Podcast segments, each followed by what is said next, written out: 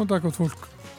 Það er samfélagið sem helsar ykkur miðugudaginn 28. februar og það er Guðmundur Pálsson og Arnhildur Haldunadóttir sem uh, sitja hér í hljóðveri nr. 6 í eftirleiti.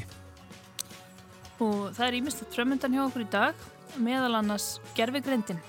Hvernig getur það farið ef ríkistofnanir fara að nýta gerfigreind til að vinna persónu upplýsingar um borgara? Fela henni það jafnvel alfarið. Félag fórstuðumanna ríkistofnana held ekki er málþingum gerfigreind og þar talaði meðal annara Inga Amal Hassan, lögfræðingur hjá Persónuvend. Það er nefnilega að ymsu að huga. Við ræðum við Ingu hér á eftir. Nýr fórseti landsambands ungmennafélaga var kjörinn um helgina en uh, það eru reglífarsamtök fyrir félagsamtök ungsfólks á Íslandi með meirinn 40 aðaldarfélag. Silvíja Martinsdóttir er þessi nýju fórseti og hún ætlar að segja okkur frá þeim málefnum sem brenna á ungu fólki. Við heyrum svo málfarsminutu og svo kemur Edda Olgudóttir til okkar í Vísindaspjall, lók þáttar. En við byrjum á gerfugrindinni eftir eitt lag.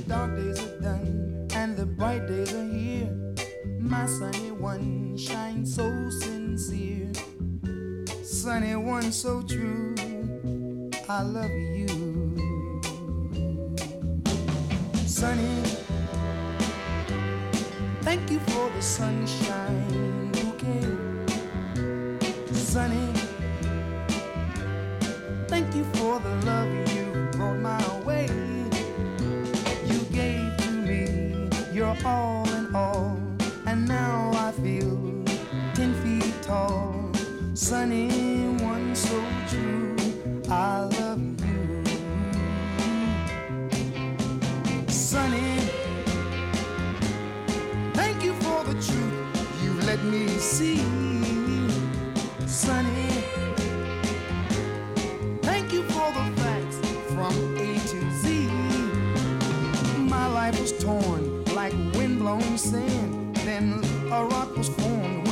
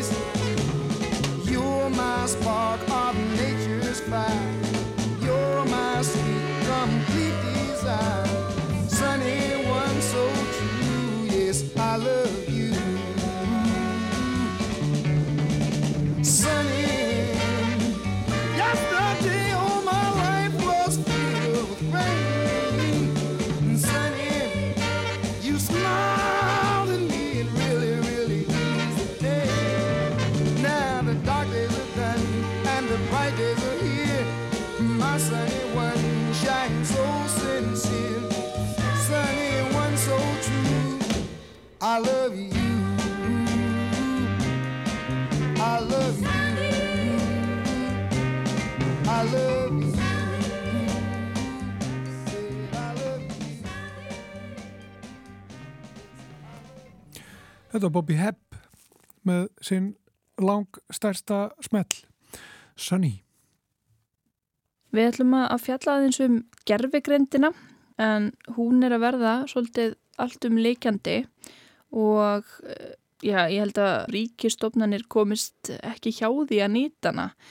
En svo er spurning hvort að þessar stofnanir sem að fara oft með eh, málefni sem varða borgara í landinu megi nýta gerfugrindin og gerfugrindar forrið til þess að vinna personu upplýsingar. Við viljum að ræða þetta í dag og hinga í samfélagið er komin Inga Amal Hassan, lögfræðingur hjá Personu Vend. Velkomin í samfélagið. Já, takk. Takk fyrir að bjóða mér að koma. Þið voru með málþingi gær, ekki satt, með fórstuðumönnum ríkistofnana þar sem þið voru svolítið að fara yfir þessar áskornir og, og nýja, nýja tíma.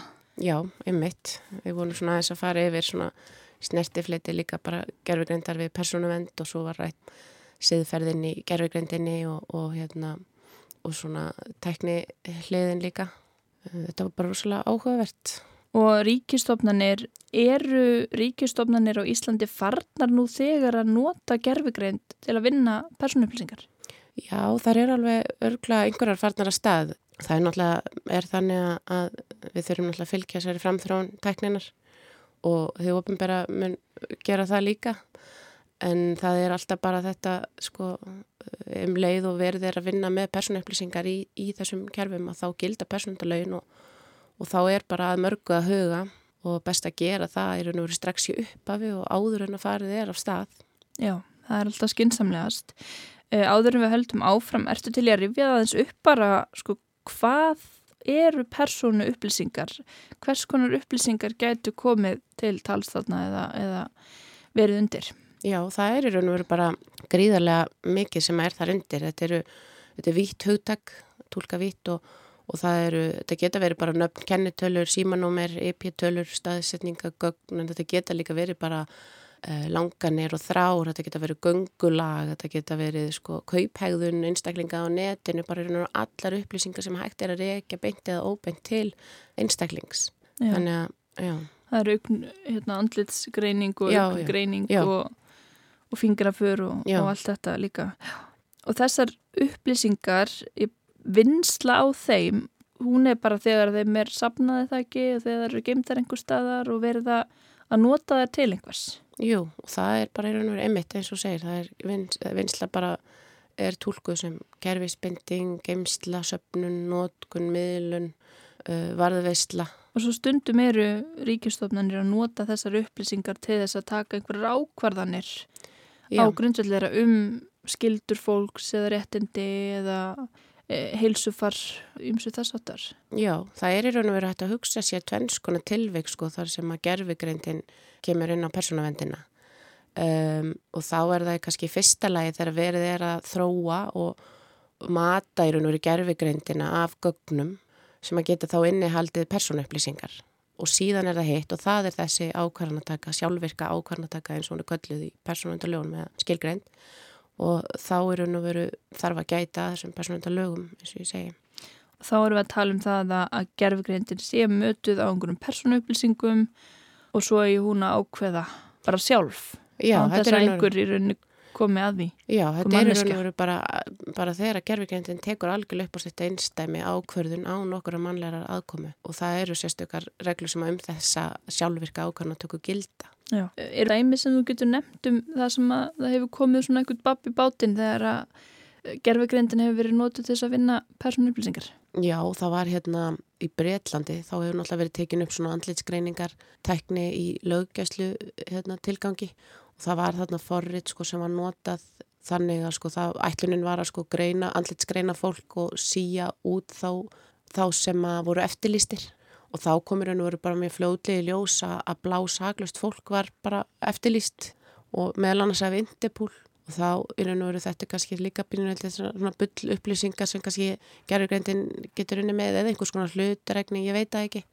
Þannig að þetta, þú veist að þetta er bara eitt af mörgum dæmum svona sko Og personu vendar lögin, þau eru, það eru svona ákveðnar megin reglur í þeim og það á ekkert að vera að vinna personu upplýsingar að óþörfu eða of mikið af þeim og svo ávinnst hann að vera gagsæg og, og sangjörn og þá gæta meðalhófs og, og fleiri reglur vendalega. Mm. Já, það er nefnilega ekki bara nóg að vera með heimild fyrir vinslinni og, og kannski ágætt að nefna líka strax í upphafi það það líka vera nöðsin.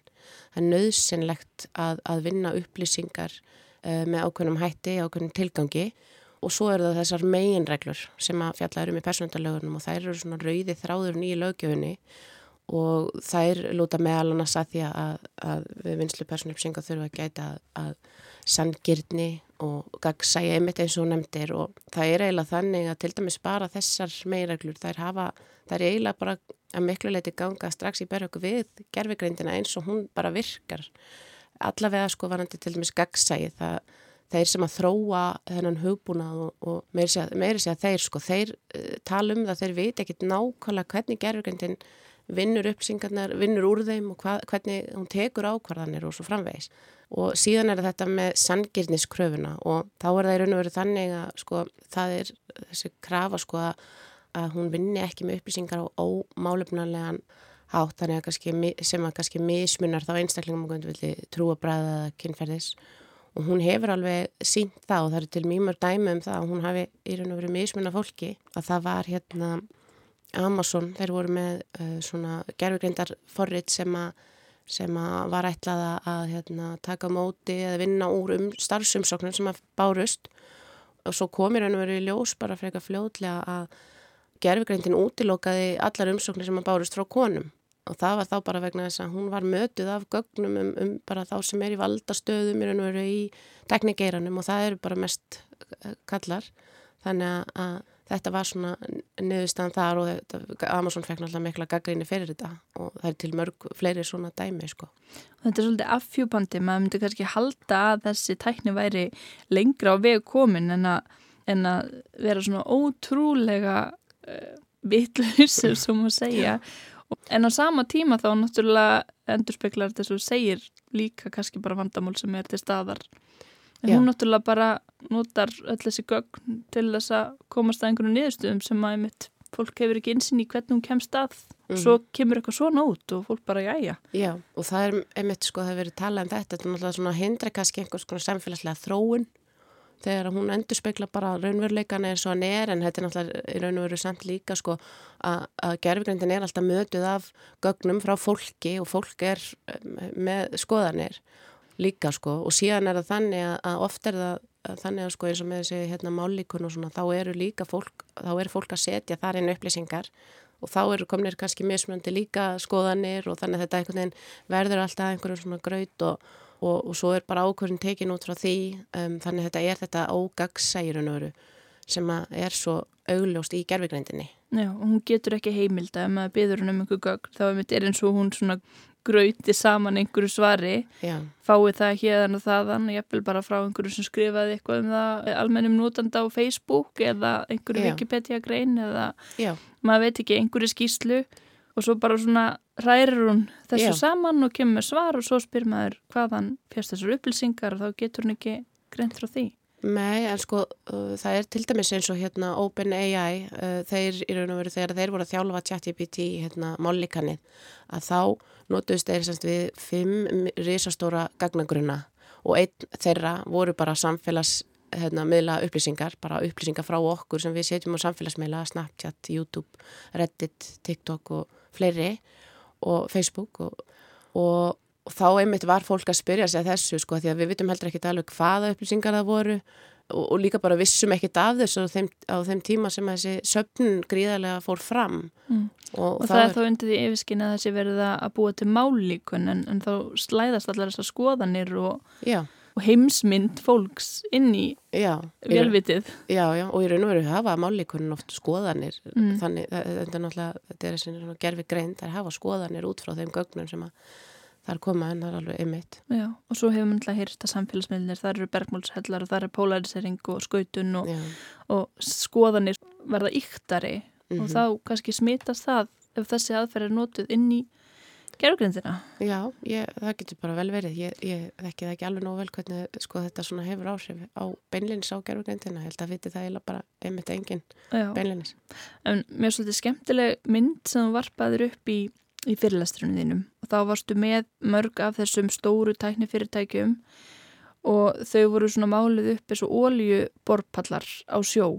Mm -hmm sem að þau eru að vinna þessi, þetta, þetta gull eða þessa ólíu sem, mm -hmm. sem að persónu upplýsingarnar um okkur öll eru og þú talar um að þetta eru enga fyrirtæki, þetta eru stór fyrirtæki, þau eru hagnaðadrefin mm -hmm. og ég maður velti fyrir sér sko kvatarnir og hagsmunitnir sem að liggja þarna baki hjá fyrirtækinum sem að þróa þessa gerfugrind og ákveða hvernig hún er uppbyggð þó að þau kannski segist ekki að hafa fullkomna insýn inn í hvernig algoritminn svo virkar og, og skilur frá sér afverðum.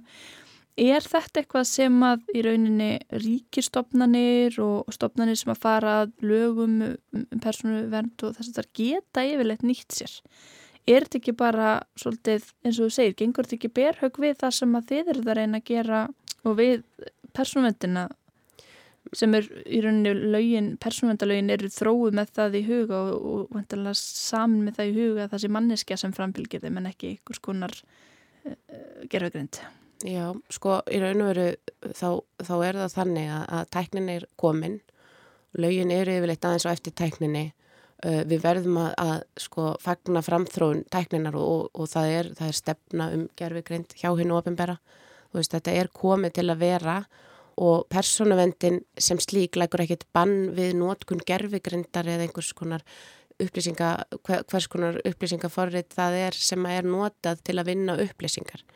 En það sem er bara vandamáli við gerfugrindina er þessi, þessi, þessi, þessar meginreglur sem er erfitt að uppfylla og þess vegna er raun og veru sko þá bendur við raun og veru bara á það líka samt sko að, að ákveði persónunda lögjafarnar eru ætti að vera í raun og veru bara svona vegvísir í þessu þróunarferli líka.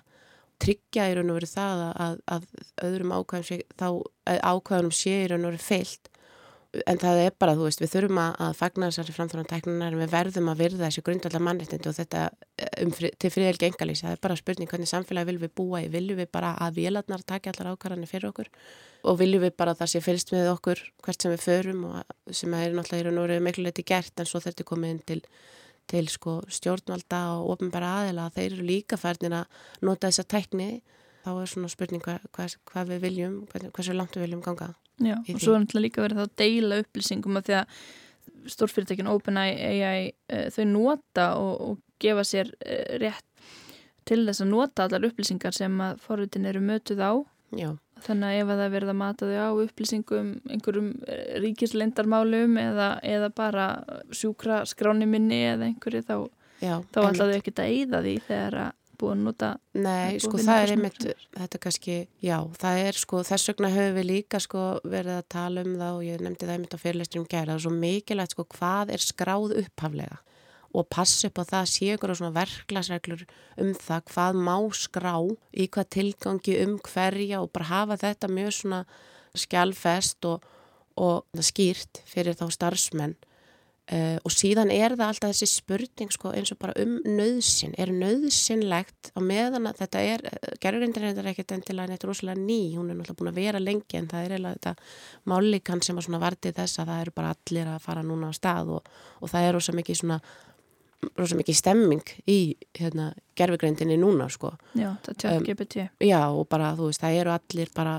kominir pínleita fullt núna og þá er það bara, þú veist, er það nöðsynlegt fyrir ofinbæra aðila sem að eru með svo gríðarlega mikið magn af gögnum úr skrám bara í heilbreyðisgögnum, viðkvamar upplýsingar og Þannig að það er alveg svona sérstaklega skilt að gæta persónavendar reglunum slíkum, við slíka vinslu persónuupplýsinga sko. Þegar verið er að mata gerfigrændin af gögnum þarf að setja endilega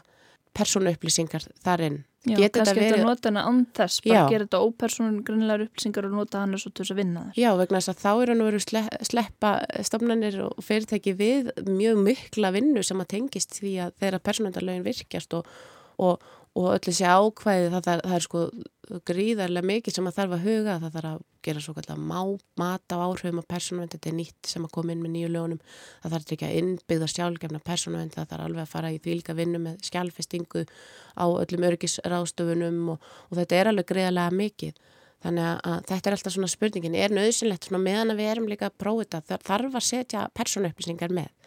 Sérstaklega líka út af þessum sko þessa hlutirækni og svona sem er bara rosalega algeng Já, mér hefur bara fjópað sig að þetta er, það er kvennfyrirlitning og rasismi og allt byllandi í þessum Já og líka Forritum. sko, það er ekki bara, er líka það einmitt, og, og síðan er það líka bara að það hefur bara komið í ljós að gerfugrindin býr, bara, býr til upplýsingar Já, hún byllar hún bara. bara bullar, hún bjó, það var þarna lagaprófessor í Kaliforníu hérna, sem að var ásakaður um kynferðslega áreitni með tilvísin í grein í Washington Post sem að síðan bara var ekki til. Og, og þá spyr maður sér sko, þá koma þessar spurningar sko, ok, hvað, hvaða rétt að þessi maður þarna, getur hann almennt séð að þá er til dæmis í persónundalögunum þá er rétturinn til að gleymast þetta er ákveðið þar og, og það er í raun og veru, hann felur í sér að við vissar aðstæður áttur rétt á því að, að upplýsingum um þessi eitt. Og maður myndi svona telja að það væri eðlilegt þarna en eins og við tölum hérna um áðan að þetta er einhvern veginn orðið bara einhverjum graut og Microsoft hefur, hefur sagt að það að eigða upplýsingum sko úr svona gerfugrein sé bara jafn einfalt og að, og að taka innihaldsefni úr köku sem að þú er þegar baka, það er bara ekki hægt.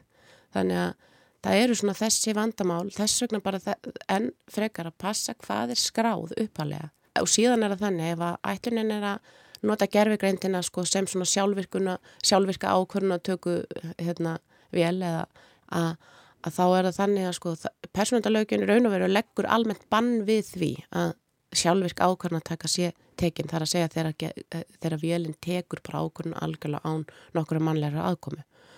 En hins vegar eru undantekningar frá því en það er samt alltaf þannig að í langflestum tilvikum að það þarf að, að leifa sko þessa mannlegu íhlutun og, og í henni fælst til dæmis bara rétturinn fyrir einstaklingi til að andmæla vinslunni og til að tjá sig um hana og þetta er eitthvað sem að þarf að fræða einstaklingin um líka áður en ákvörðinu tekin og, og svo framvegist þannig Og gerfugrindin getur væntilega ekki uppfyllt þessi skilir þig. að nei, eða sko Að þá, upplýsa og, Nei, og það- það að fara þá- yfir málið aftur eða þetta komið í kökuna og Nei, þú veist, það, það er allavega hefur verið talað um það einmitt, að gerfugreindin sé svona og það er, en þá, þá er ég að tala um sko, þá er þetta svona það sem að stjórnveld geta gert, það, þú veist, þau þurfa einmitt að fræða og svo margt náttúrulega fleira, en, en þetta er þá svona meira sem að stjórnveld gera, Mhm. ekki kannski endilega gerfugreindin.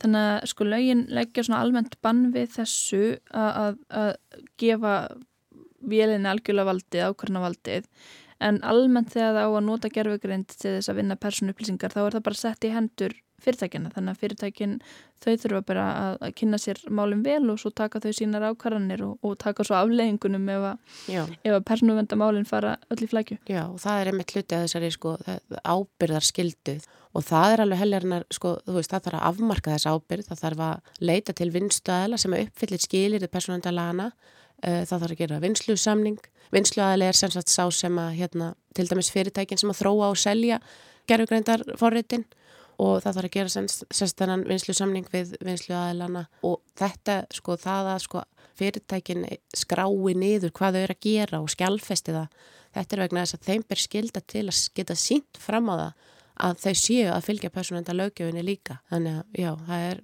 margt, sem að uh, þarf að gera sko ef að ákvörðun, ef að ákvörðun tekur að taka upp svona gerfugreind í starfsemi. Já, þetta er, þetta er flókin veruleiki. Já.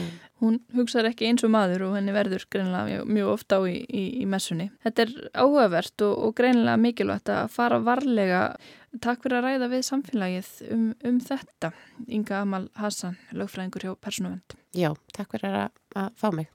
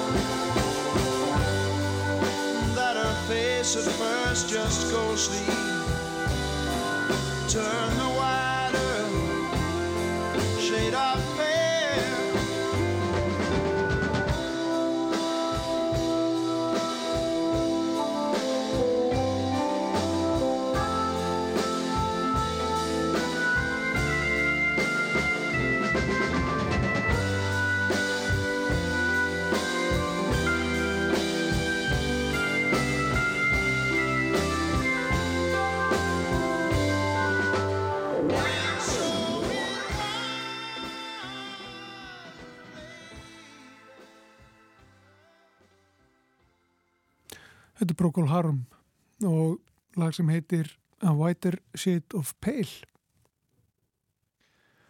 Um helgina var haldið sambandsþing landsambands ungmennafélaga og þar á korsi ný stjórn og í því fólst að kjósa nýjan fórsetta og það er Silvija Martinsdóttir sem er nýr fórsettir landsambands ungmennafélaga og hún er sestið það hjá okkur. Verður velkomin.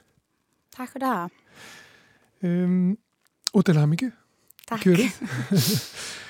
um, bara til að byrja með, getur sagt okkur frá landsabandi hungmennafélaga, hver er eiga aðelda því?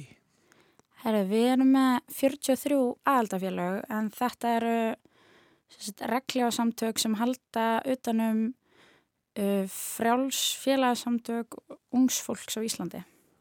Þannig að við erum með stúdendaðinni, pólitísku unglegarhefingarnar og mannréttinda og mannúðar uh, félög. Já. Þannig að Og hungmenni, hvar, hvar er línan? hvar er þakkið? Sko, um, kannski þetta er yfirlegt skilgrend á Íslandi sem 15 til 35 en við náttúrulega förum eftir bara okkar aðaldafjölum. Ég myndi segja sé kannski svona 16 upp í 31 að en við meinum engum aðgang og allir sem vilja gefa af sér til starfsins eru velkomnar. Löf er rauninni og á að vera þver pólitískur samráðsvettvangur við ungt fólk, gag og stjórnul, stjórnuldum og það er bara atna, mikilvægt að þau eigi sér málsvara.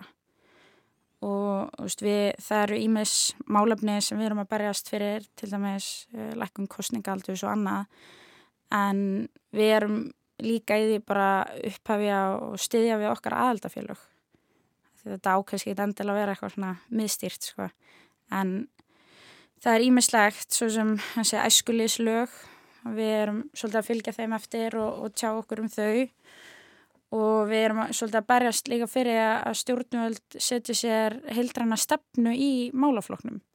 Saminuðu þjóðunar hafa kvart sín aðaldafélög til að setja heildræna stefnu sem sagt, í svona sem var ungmenn á eskuliðismálum og Ísland er eitt af fáum ríkjum sem hefur ekki gert það sem veldu því að það er sett, laga umhverfið og, og fjármögnunin í málafloknum er bara ekki til fyrirmyndar og, og veldu því að kannski sett, þegar vera að bjóða ungu fólki í sætu við borðið að það sé meira veist, til að tikki einhver boks heldur en raunverulega hlusta á þau. Og við viljum náttúrulega bara að okkar rött heyrist þegar við erum að taka ákvarðinir sem varða okkar hagsmunni. Það er enginn að passa upp á okkur nema við sjálf. Og er það þá ykkar svona afstafa Já. að það sé ekki hlusta á ung fólk nægilega mikið? Já, nægilega mikið. Og, og hverju þurft að breyta til þess? Hvernig er þetta að ja, svona, koma ungu fólki að borðinu þegar að, að málefni sem að sem að tengjast náttúrulega ungu fólki eru rætt og, og ákvarðanir teknar. Það er ymsa leiðir af því en, en til dæmis eins og bara að hafa ungt fólk með stjórn og, bara líka fín byrjum bara að spyrja það áleits og, og það er, eða þú veist að bjóða þeim sæti við borðið þegar að vera ræða mál sem okkur varða og þess vegna er vettvangur eins og luf frábær í það því að við erum með breyttina. Við erum gríðalega fjölbreytt og, og breytt félag í rauninni og það er styrkur okkar að við teljum okkur geta að tala fyrir og lift upp röttum ungsfólks á Íslandi nánast í heilsinni og höfum óskað eftir því þú veist að það sé haft samband til dæmis við okkur þegar að vera þú veist, þegar vera að taka einhverjar ákvarðanir inn í ráðanitum og, og slíkt sko. Það er, sko þetta er svo þetta er svo við, þetta kemur inn og svo margt náttúrulega. Algjörlega. Það er alls konar samfélagslega mál svo bara pólitískar ákvarðanir náttúrulega, kjaramál Já, kjaramál og, og húsnæðismál, geðhelbreyðismál um, almenningssamgöngur og veist að, að þetta eru náttúrulega kannski vinsalir málaflokkar í umræðinni en þetta varðar okkur og það er til dæmis eins og fyrir badnafjölskyldur í dag fólk sem er eignar spötna háskólaaldri að, að þau sitja svolítið eftir og það er bara gríðarlega erfitt nema að er virkilega stert bakland. Og veist að húsnæðismarkaðurinn er óagengilegur um, fæðingarólof stúdenda er í einhverju lágmarki þú veist að það er ímislegt í þessu en, en við endur speiklum vissulega breyðari hóp en þetta er allt aðna, málefni sem hafa djúbsta áhrif á, á okkar uh, aðaldafélag og félaga. Mm. Og er það þá í rauninni mikilvægt þá að tryggja það að ungt fólk sé á öllu vikstum, sko, sé þá inn í, inn í stjættafélagunum til dæmis, við tölum um kæramálinn og, og svo frá þess?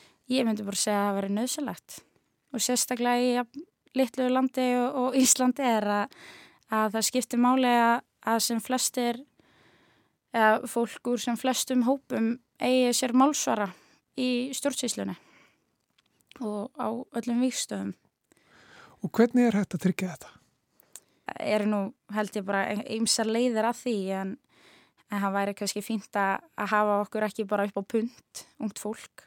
Að við, við höfum skoðanir og við brennum fyrir ýmsum málöfnum og það er kannski séðan manns nýja hlutverk svolítið að passa upp á þetta að, tryggja það að sé hlusta á okkar aðeldafélög og, og við séum tekin alvarlega og, og það einmitt að við séum ekki bara eitthvað skraut fyrir stjórnsýsluna að þú veist að já, herru, það er ein hérna, það er ein 17, hún er hérna í eða þú veist það verður að hlusta okkur í alvörunni að því að, að svona síndar samráð er aflegging af, af stefnuleysi og lagaumhverfi og, og vanfjármögnun í, í málafloknum og, og það er bara greiðalega skemmandi og, hefur áhrif á líðræðis þáttöku ungs fólks.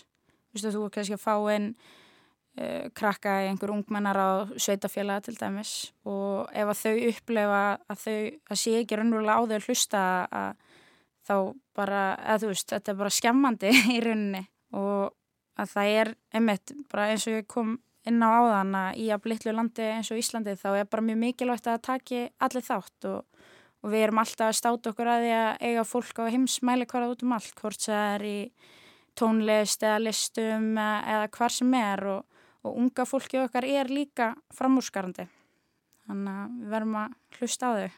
Já, finnst ykkur, eða þér, eh, að, hérna, að um, þetta hamli, uh, sko, þetta komi í veg fyrir auðvitað nátt, uh, bara til dæmis pólitískri þáttöku ungs fólks, að það upplifi, uh, upplifi samfélagi þannig að það sé ekki hlusta á það. Sko, alltaf flókjara pólitík.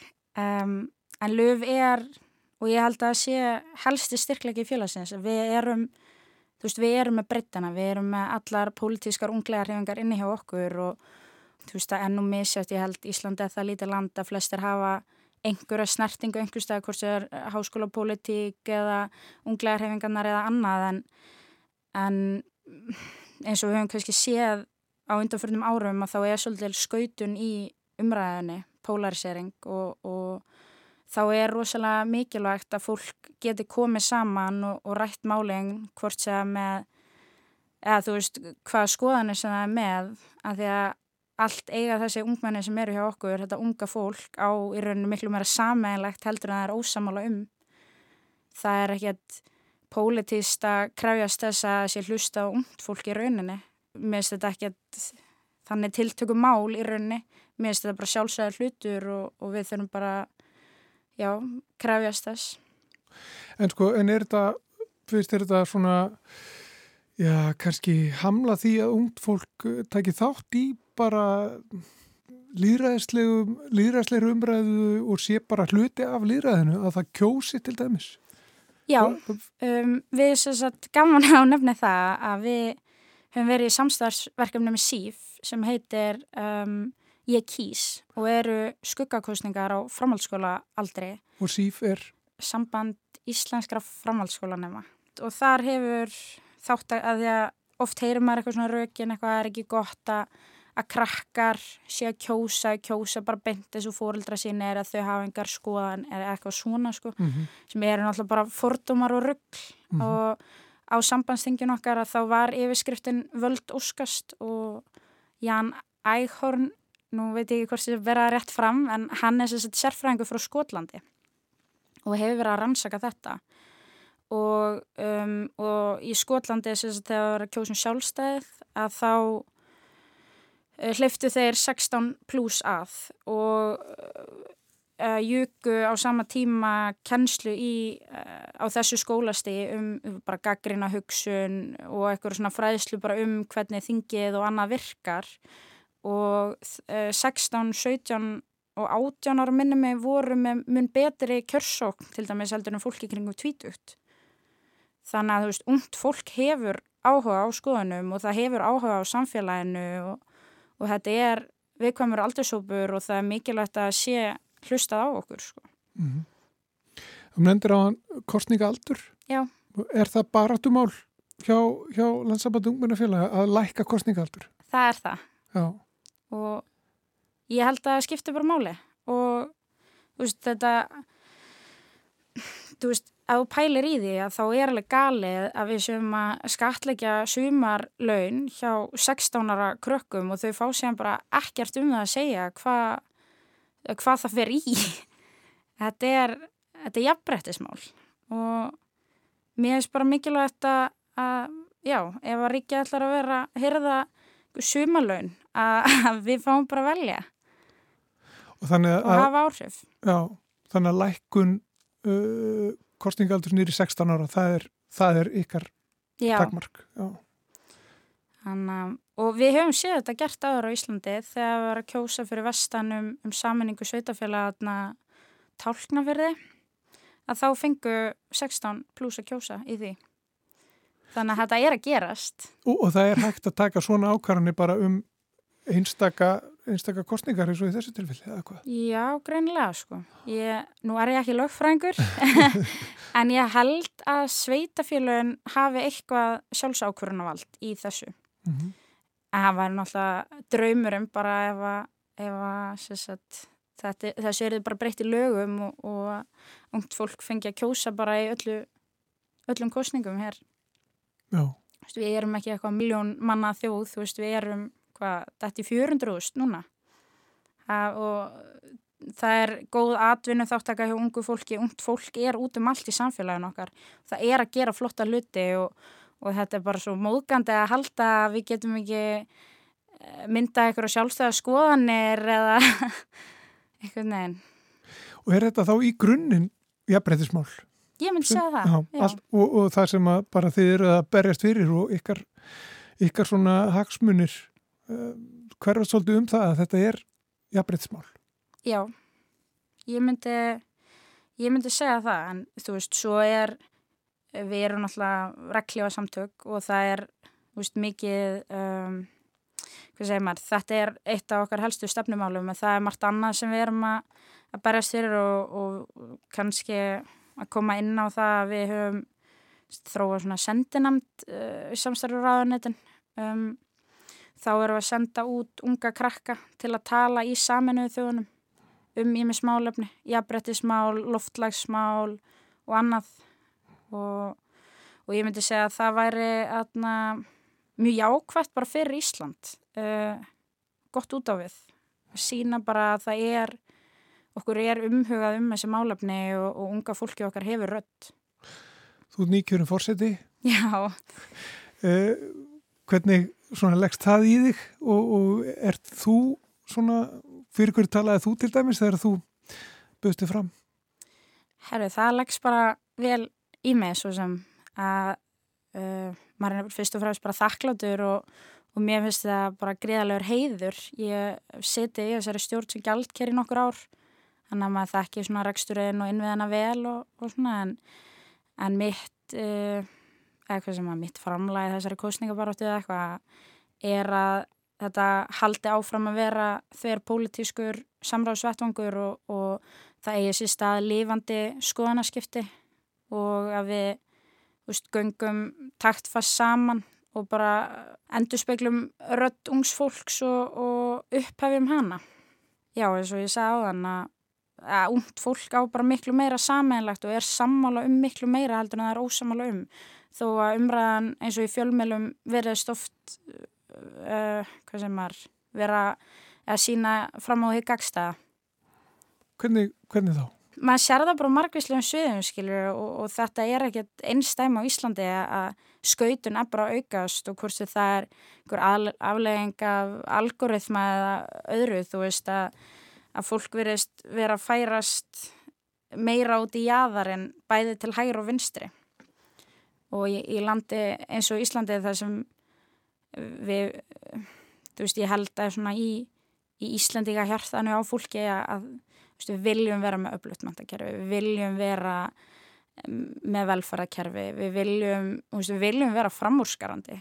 Og þú veist, og miklu frekar heldur en að eitthvað til hægra, eitthvað til vinstri, skilur, þú veist, ég held að við séum bara öll sammála um að við viljum byggja betra samfélag. Já, ég hugsa að þetta sé svona kannski að pólitíska stafn sem að muni segja hérna. Ég veit að uh, við skulum ljúka þessu svona uh, Silvíja Martinsdóttir, nýkjörin fórseti landsambands ungmennafélaga. Uh, gaman að fá því heimsó. Gangið vel. Takk Það voru hjón á vestfjörðum sem héttu Þorvaldur og Lína áttu fyrir skuldunum og allt var í þessu fína. Valdi hann var skapari, Lína vann í pökkuninni, spengu bæði nóg af því, vildi burtu af völinni. Ekki samt í sveitina,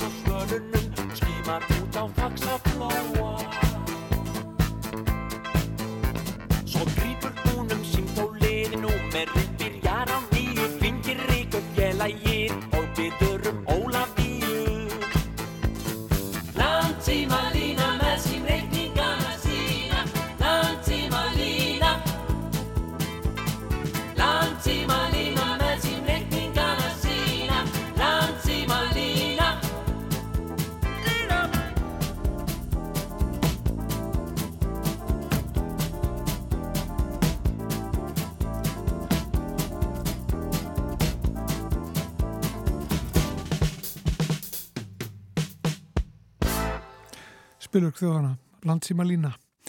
Þetta Olgudóttir er komin til okkar, við ætlum að ræða hana eftir smá stund, fyrst er það málfarsminúta.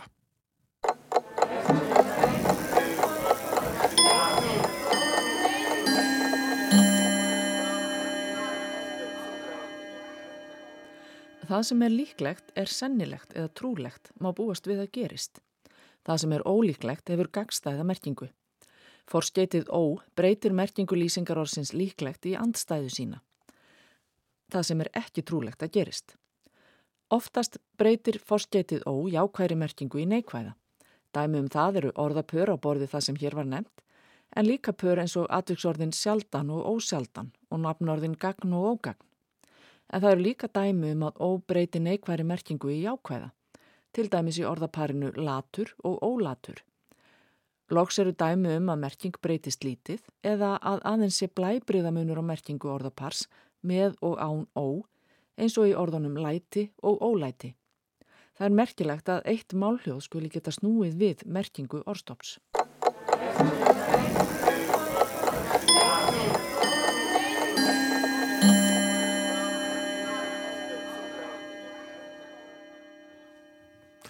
Það var Anna Sigurður Þráinsdóttir sem hafði um sjón með málfars mínútunni hér í samfélaginu. En hún er sesti á okkur Edda Olgudóttir. Hún hefur um sjón með vísindarspjallinu. Verður velkomið til okkar. Takk fyrir. Það er eitt annað sem að þú ætlar að bera á borð fyrir okkur í dag. Já, ég ætla enn og aftur að tala um örveruflóruna. Ég er náttúrulega alltaf að tala um hana og mér er stund svo merkileg og það er hérna svo rosalega mikið af rannsóknum að koma fram um örveruflóruna og hvernig hún hefur áhrif á heilsokkar, bæði andlega og líkamlega. Og við erum svona eiginlega alltaf að tala um örveruflóru, sko þarmaflóruna þegar ég er að tala um örveruflóru en hún er náttúrulega og það er eitt sem ég held að ég segi hvert einasta skipti sem við tölum um hérna, örveruflóruna að það eru hérna, örverur allstæðar, ekki bara í þörmunum á okkur. Og til dæmis að þá er húðin á okkur alveg stútfull af, af bakterjum líka. Og þar er ákveðin örveruflóra sem hefur áhrif á það hvernig húðina okkur virkar. Og húðin er náttúrulega sko svona frekar sérstakt líffæri vegna þess að, að það er svo hérna berskjálta. Það er það sem að verndar okkur fyrir því sem er fyrir utan líkam okkar og passar upp á að það komist ekkit hvað sem er inn fyrir okkar varnir.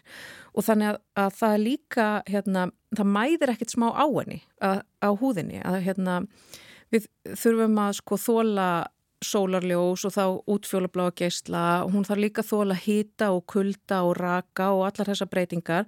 Og svo líka bara allar þessar snirtiförur sem er á markanum að hérna það er líka eitthvað sem herjar á húðina og hjá flestum á hverjum einasta degi.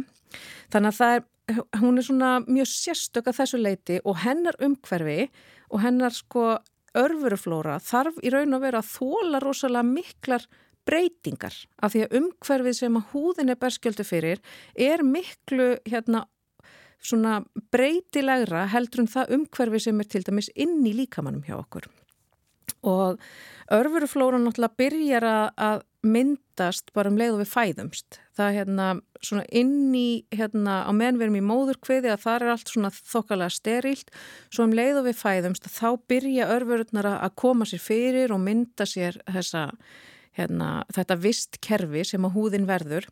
Og það gerist bara til dæmis með því að við smitumst innan gæsalappa af örfuruflóru fóreldrokkar og, og þeirra hérna, aðila sem að eru að, að hugsa um okkur. og, og þannig þroskast örfuruflóran eiginlega um leið og við erum að þroskast. Og svo þegar að, að hérna, við komst á unglingsárin að þá fyrir húðin að seita frá sér meiri húðfittu þannig að húðin verður feitari.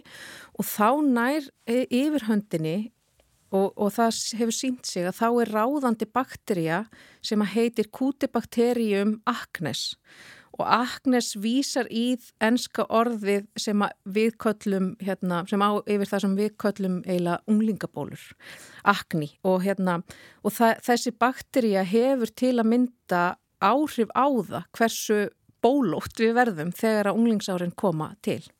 Og þessi bakterja hún er rosalega ráðandi bara alveg þanga til að við erum sko cirka 25 ára.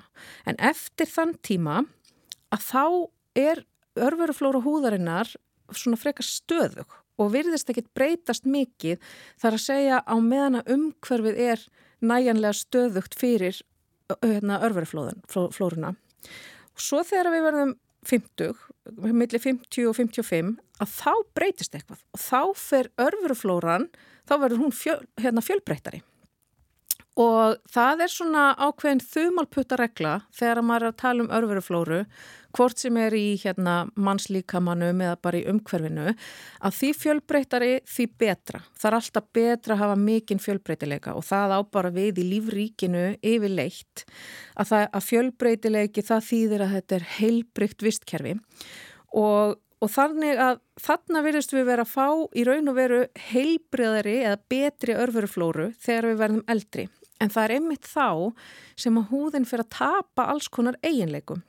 Og það er náttúrulega eitt af því sem að, að þetta líffæri gerir sem að önnur líffæri kannski sína ekki að berlega en húðin sínir rosalega vel aldur okkar. Það er okkur er, rosa, okkur er sjaldan hrósa fyrir unglegt milda en, en, hérna, en húðin kannski uh, segir miklu meira um það hversu gömul við erum eða hversu vel við hugsum um okkur vegna þess að, að það að, að til dæmis reykja hefur mjög neikvað áhrif á húðina og það að borða óholt eða drekka mikið áfengi hefur neikvað áhrif á húðina.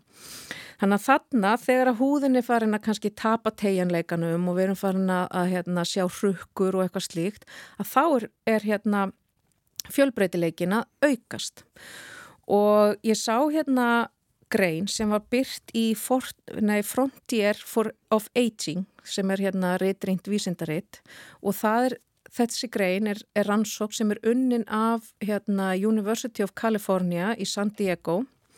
Í sam, hérna, samstarfi við eh, snirtiföru fyrirtækið L'Oreal og þau er að skoða, L'Oreal er náttúrulega eins og við vitum bara að búa til alls konar snirtiföru sem við notum á húðina og þau hafa haga því að vita hvernig húðin virkar og hvað gerir henni gott og hvernig getur við í raun og veru, svo ég bara tala í fullum hégóma, hvernig getur við dreyið úr því að, að eldast eða af, af sínilega eldast. Þannig að þau eiga fullt af rannsóknum þar sem þau eru að skoða til dæmis hrukkumyndun og þau eru líka að skoða sko hversu mikið hérna, vökvatap verður í gegnum húðina Og í þessari rannsók sem er unnin í samstarfi við eh, Háskólan í Kaliforníu að þar taka þau saman 13 rannsóknir sem að L'Oreal áðana í handraðanum þar sem þau eru að skoða þetta, hrukkumyndun og, og vökvatap og, og greina hvaða bakterjir eru til staðar í, á, í þessum, hérna, hjá þessum einstaklingum. Og þetta eru einstaklingar á aldrinum 18 til 70 ára Og þessi rannsókn er hérna, mjög sérstök að því leiti að það eru bara konur sem eru þáttakandur sem að kannski segir svolítið um hérna, Mark L'Oreal. Mm. Uh, en það eru líka sko, tekinn sína af einstaklingum sko, í Fraklandi, í Japan og, og, hérna, og fleiri stöðum í heiminum. Þannig að þetta er svona, svona nokkuð þannig séð þversnið af heiminum, ekki bara hinn ríki vestræni heimur eins og svo oft. Og þau skoða sem sagt, gera hérna raðgreiningu á uh, bakteríunum sem þau finna á húðinni. Og þetta heitir að gera 16S RNA, RNA raðgreiningu vegna þess að það er verið að skoða svæði í bakteríum sem er opbúslega vel hérna varðveitt og þetta er það svæði sem er yfirlegt nota til þess að tegundagreina bakteríur.